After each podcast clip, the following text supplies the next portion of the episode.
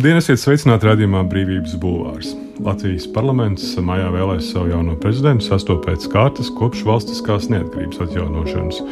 Mūsu raidījuma studijā viesi ir Vairvīģa Freiberga, kura valsts prezidents amatā atradās no 99. līdz 2007. gadam. Viņas prezidentūras laikā viņa piedalījās aktīvi valsts tiesiskā pamata nostiprināšanas procesā, iestājusies par Latvijas ārpolitikas interesēm, palīdzot gan Latvijas iestāšanās procesā Eiropas Savienībā, gan NATO. Bijusi arī ANO ģenerālsekretāra īpašā sūtne reformu jautājumos un arī Baltijas valstu kandidāte ANO ģenerālsekretāra amatam. Šoreiz mums redzējumā par to, ko prezidents var un ko nevar ietekmēt Latvijas un pasaules procesos, un uh, mans vārds - Gins Grūbe. Labdien! Sveicināti! Jūs šodien lasīsiet uh, lekciju Splendid Palace, kas saucās, vai daļa no tā nosaukuma ir mans 20. gadsimts. Es uh, kaut kur klausījos, ka jūs arī strādājat uh, pie saviem memoāriem šobrīd. Tas jautājums ir par to, vai jūs esat nu, domājusi par tādiem savas dzīves variantiem, nu, ja 20. gadsimta Eiropas vēsture būtu bijusi savādāka, vai ja Latvijas vēsture būtu bijusi savādāka. Man galvenais um, mūža pārdomu objekts, protams, ir bijis, kāpēc Latvija pazaudēja savu neatkarību.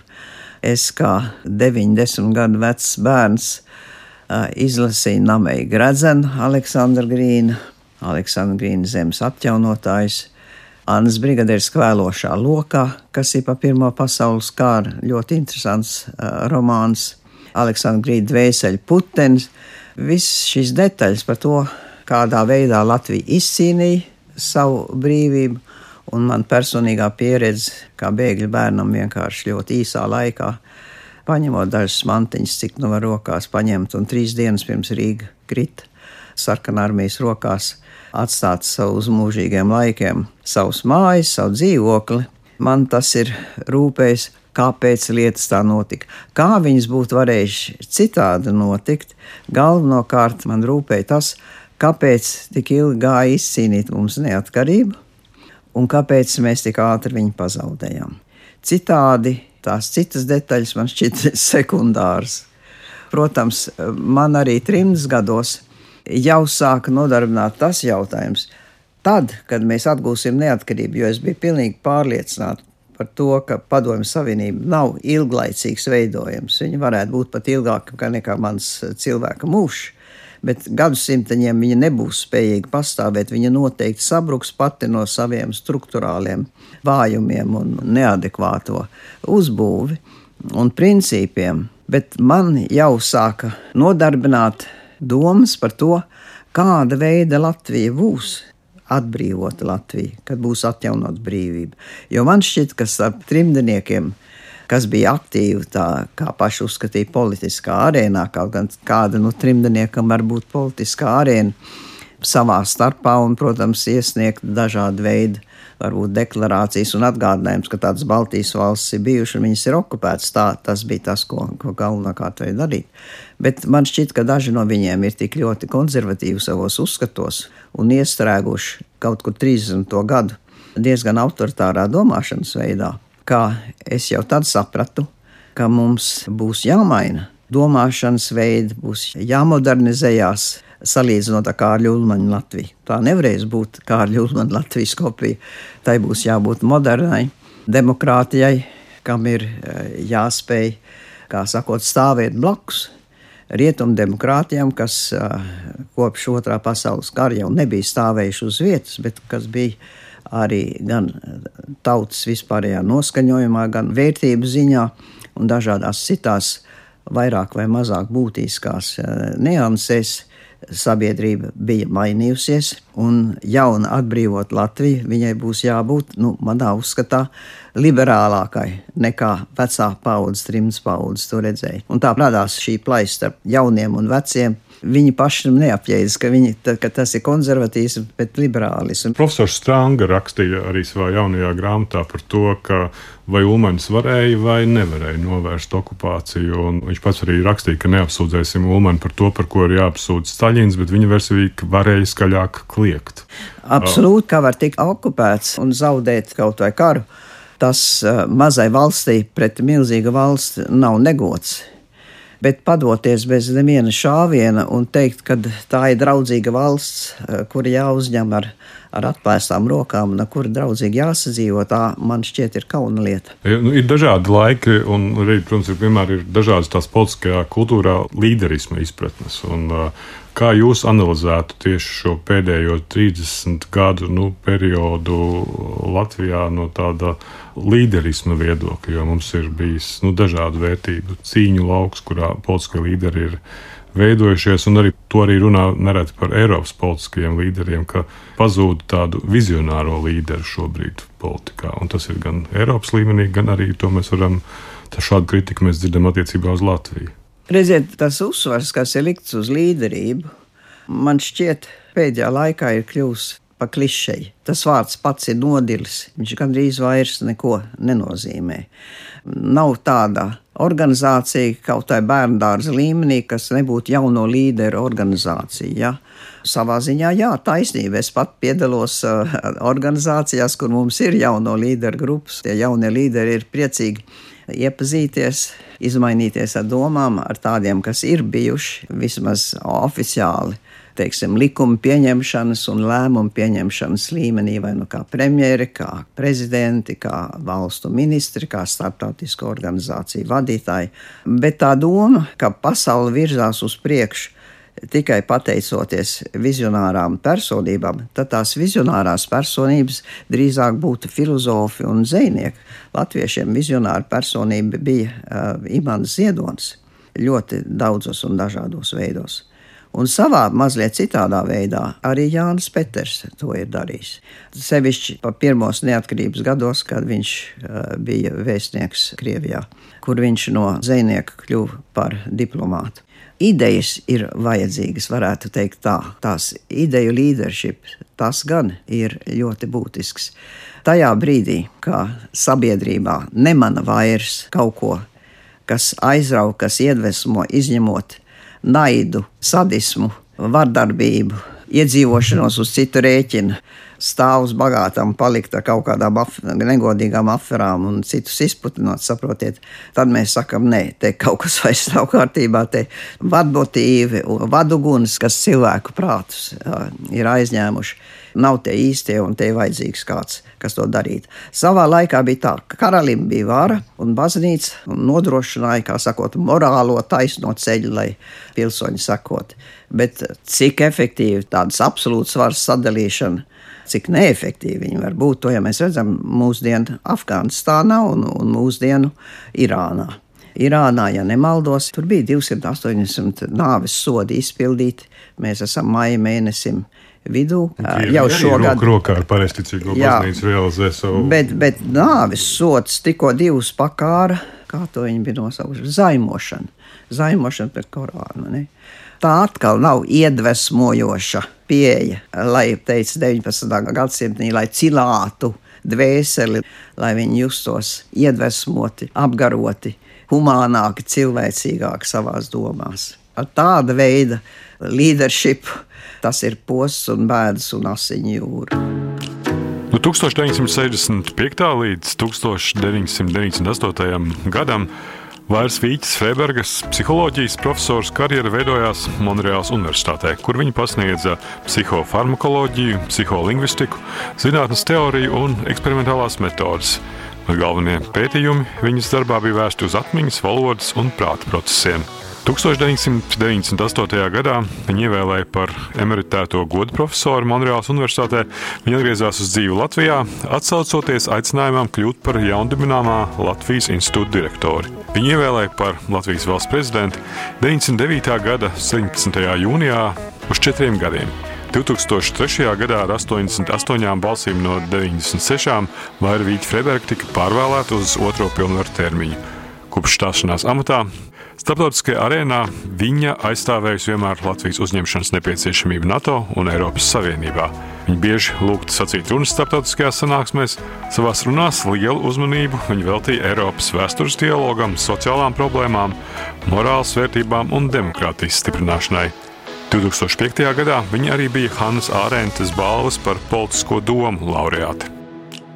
Jūsuprāt, kas būtu tās prioritātes gan attiecībā uz iekšpolitiku, gan arī attiecībā uz uh, ārpolitiku, kas būtu nākamajam prezidentam visbūtiskākās? Ja jums būtu nu, prezidents, kas būtu tās lietas, kuras jūs, jūs liktu? Satversme jau sniedz ietvaru, kurā prezidentam ir jādarbojas, un nosaka to, ka mēs esam parlamentāra republika un nevis prezidentāla.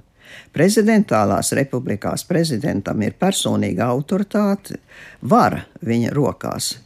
Eksekutīvā izpildvaras elementi ir prezidenta rokās.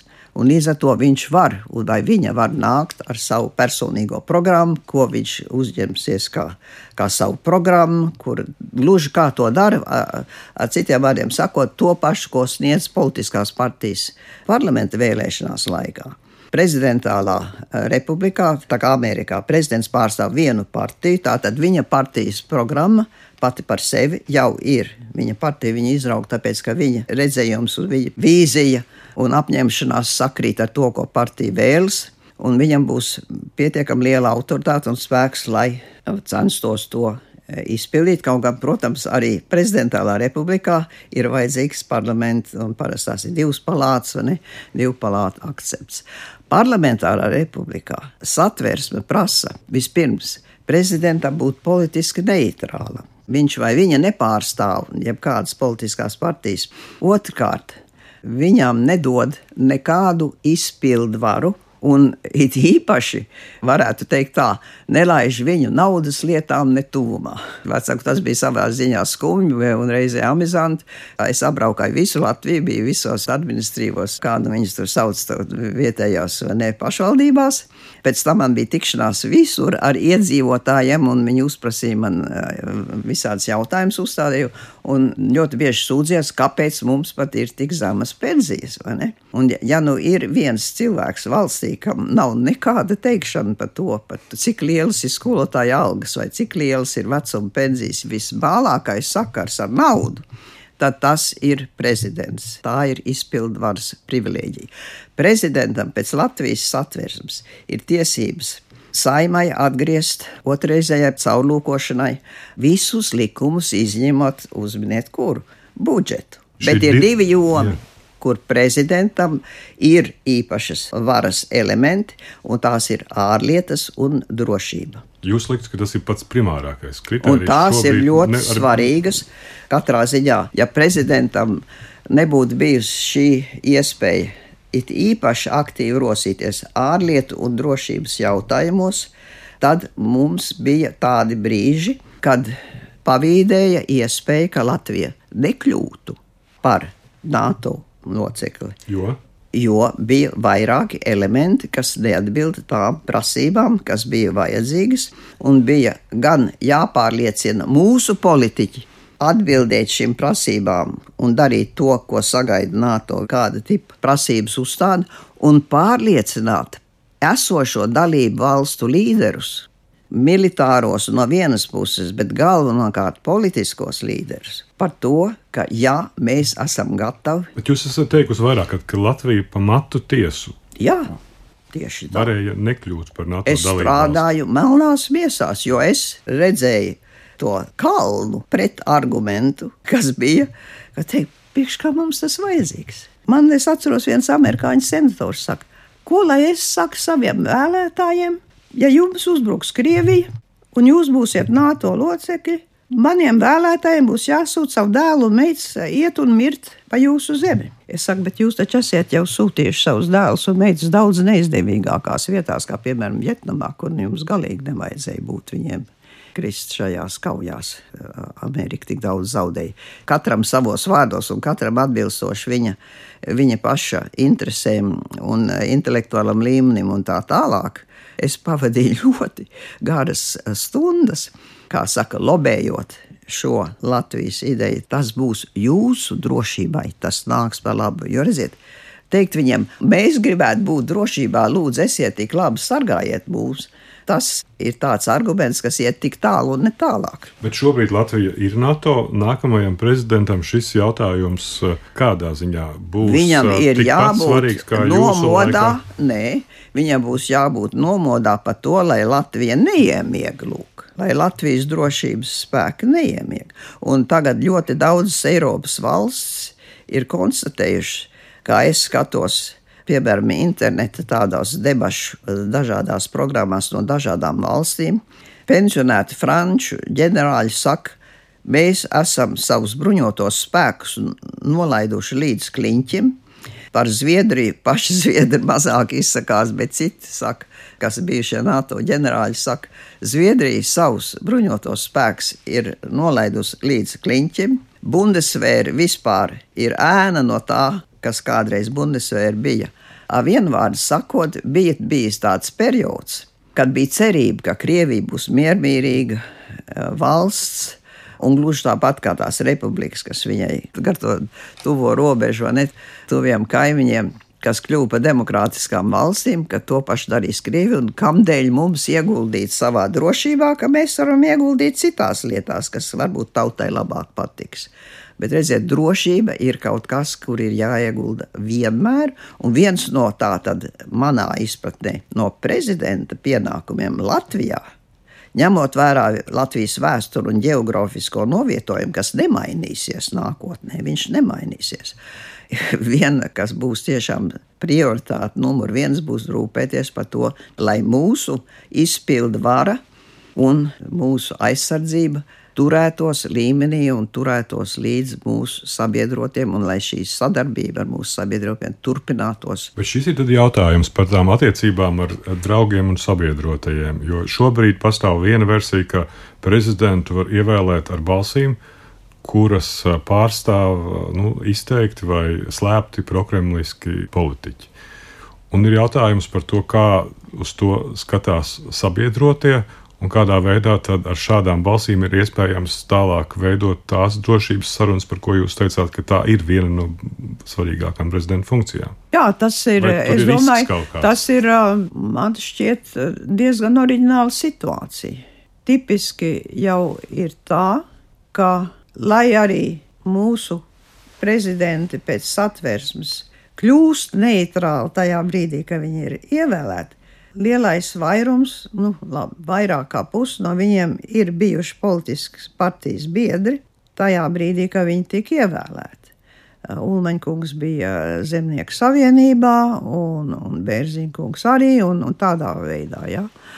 Šī piedarība ne tāda pati kā Amerikā, ka tev ir demokrāts vai republikānis kā prezidents, un viņš nes tās savas partijas vērtības kā galvenās un svarīgākās, bet katram ir Viņam ir atstāta zināma rīcības brīvība. Katram prezidentam tomēr nāk, kā sakot, ar savu zīmogu, lai viņš savai prezidentūrai varētu uzspiest zināmu tādu zīmogu tam, ko viņš izvirza kā, kā svarīgāko. Cik man zināms, tad šobrīd Latvijas saimā nav neviena deputāta, kas būtu publiski deklarējis, ka viņš ir vai viņa ir pret Latvijas suverenitāti neatkarību, piedarību NATO, Eiropas Savienībai un visiem šiem pamatprincipiem. Ja tādi būtu, tad manā izpratnē te būtu darbs mūsu drošības dienestiem, jo es to uzskatītu kā valsts nodevību,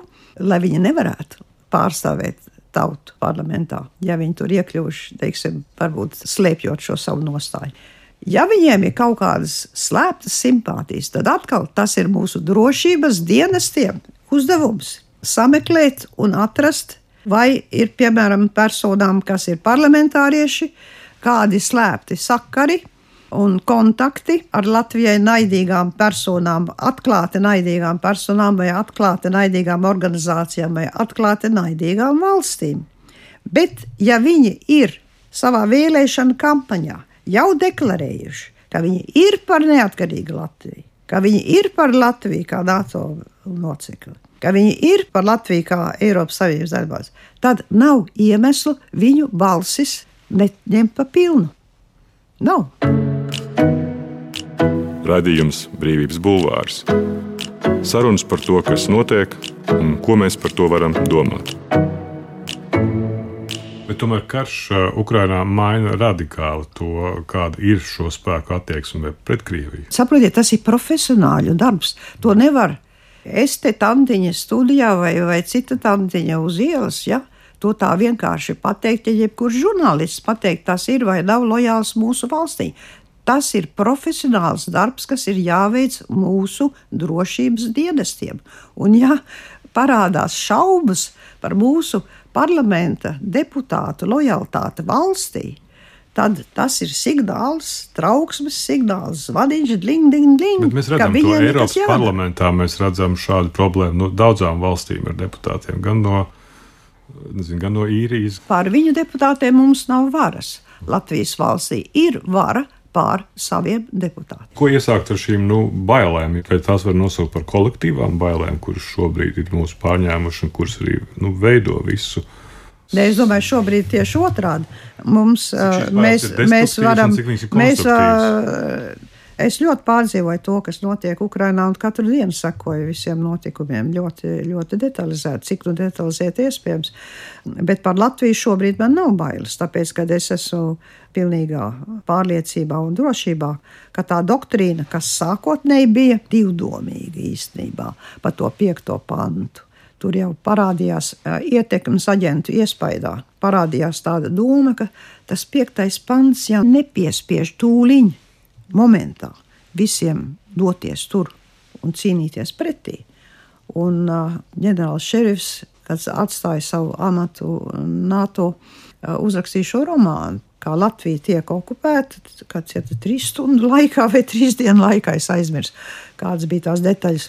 Un ka tad uh, amerikāņiem uzdāvina pāris Black Hawk helikopters un meža brāļi. Meža brāļi Latvijā, saprotiet, ar diviem Black Hawk helikopteriem to Latviju atbrīvo un tad beidzot atkuļās šurp kaut kāda NATO spēka, kas tā reāli to valsti militāri atbrīvo. Un tas jau murgs, saprotiet, tas ir tāds kaut kas ļaunākais murgs, ko viens latviečs varētu izgudrot. Ja?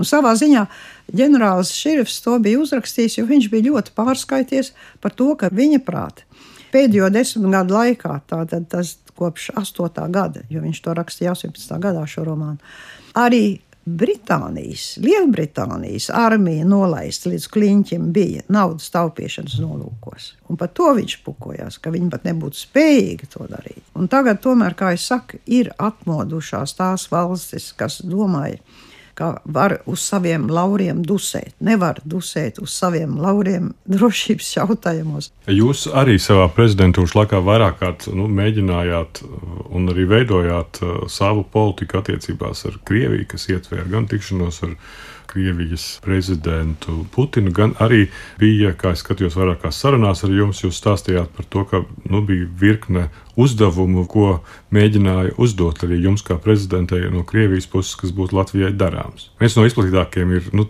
tieciet galā ar šo jautājumu ar šiem krievalodīgajiem Latvijā.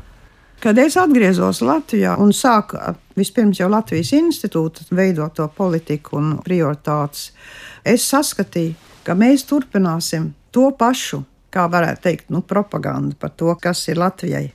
Jāstāsta pasaulē par sevi, ka mēs esam daudz cietusī tauta, kas ir bijusi 45 gadus zem svešas okupācijas, kas kara laikā ir divu totalitāru valstu okupācija pārdzīvojusi, un ka mums ir tāda, mēs tāda kalnā kāpēji, kam būs grūts ceļš lai atkal nostabilizētu drošu demokrātiju, kā arī pēc šiem neefektīvās apsaimniekošanas eh, gadiem uzbūvēt un celt eh, tādu ekonomiku, kas ir pasaules līmenī spējīga konkurēt un nenoslīgt eh, milzīgā konkurences jūrā.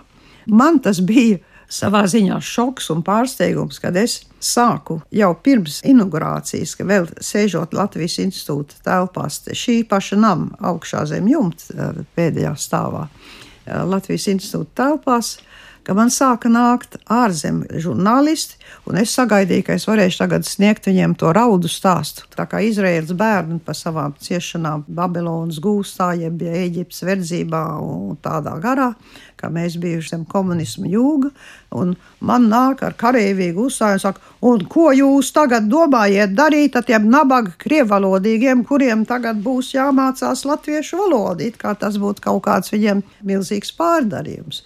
Tā intensitāte, es pārspīlēju, protams, to frāzējumu ne jau tādās tādos vārdos viņi to teica, vai ne, bet tā doma tāda bija. Pirmā doma, ko jūs, ko jūs darīsiet ar saviem nabaga krievalodīgiem, Un kur šis rietumu žurnālists, kur viņš Eiropā, piemēram, amerikāņu žurnālists, kurā galvaspilsētā viņš rezidē? Maskavā. Visi, kas nāca no Maskavas, Viņu raudu mūris bija par šejienes okupantu, bijušo okupantu ciešanām, nevis par apspiestās tautas ciešanām. Žurnālisti, kam rezidence bija Helsinkos. Viņam jau bija mazliet citāda pieeja un citāda saprāšana. Bet, ja man tagad es skatos internetā un man, un man ir jāklausās, kā taču uh, prezidents Putins savos sākumos bija demokrātiski, izteicās un šķita gluži normāls cilvēks, tad es jums varu teikt, ka no manas pirmās tikšanās viņš uzstājās. Jā Nē, nē, tā bija Sanktkristofā, Austrijā. Tāda iepazīšanās, tikšanās. Viņš nāca, viņa pirmais vārds bija, cik tas ir, kas tā ir pa traģēdiju, kas starp mūsu zemēm tagad ir robeža, ka tur ir robežu kontrolas punkti, ka, ka tagad ir vajadzīgs pass, lai cilvēks varētu tikt pie saviem radiem Maskavā no Rīgas, un tādā garā. Tā kā prezidentam Putinam tas kā prioritāte, ka viņam tā sajūta, ka uh, krievalodīgiem, ja viņi kādreiz vēsturē ir savu kāju kaut kur spēruši, tad uz mūžu mūžiem, ar sakot, viņiem tur būtu jābūt tā kā kungiem un pavēlniekiem un visiem citiem būtu. Viņiem jāpielāgojas vienalga, kas tā zeme mantojumā piederētu. Ja? To tomēr... es redzēju no mhm. pirmās dienas. Bet kādēļ jūs uh, izlēmāt toreiz mācīties krievu valodu? Tāpēc, ka Latvijā ir sabiedrība jāintegrē. Mēs nevaram atļauties naidīgu divkopienu valsti, kas tā kā palestīnieši un izrēlieši nonāk līdz vardarbībai savā starpā. Viena tauta, kurai ir vēsturisko apstākļu dēļ, kas ir multinacionāla Un tāda, jāsaka, Latvijā gadsimtiem ir bijusi. Ne jau, ka viņa vienmēr būtu bijusi 90% latviešu, nu nē, ka tas bija labas gribas žests, lai mudinātu uz savstarpēju sapratni un arī būtu tā kā aicinājums, ka, ja cilvēks var izrādīt labu gribu valodu mācīties, tad jebkurš cits to var darīt arī mācoties latviešu valodu. Bet mana labā griba pazuda, es jums teikšu godīgi, tajā dienā, kad pie manis atnāca, to brīdi mēs bijām maika par namā.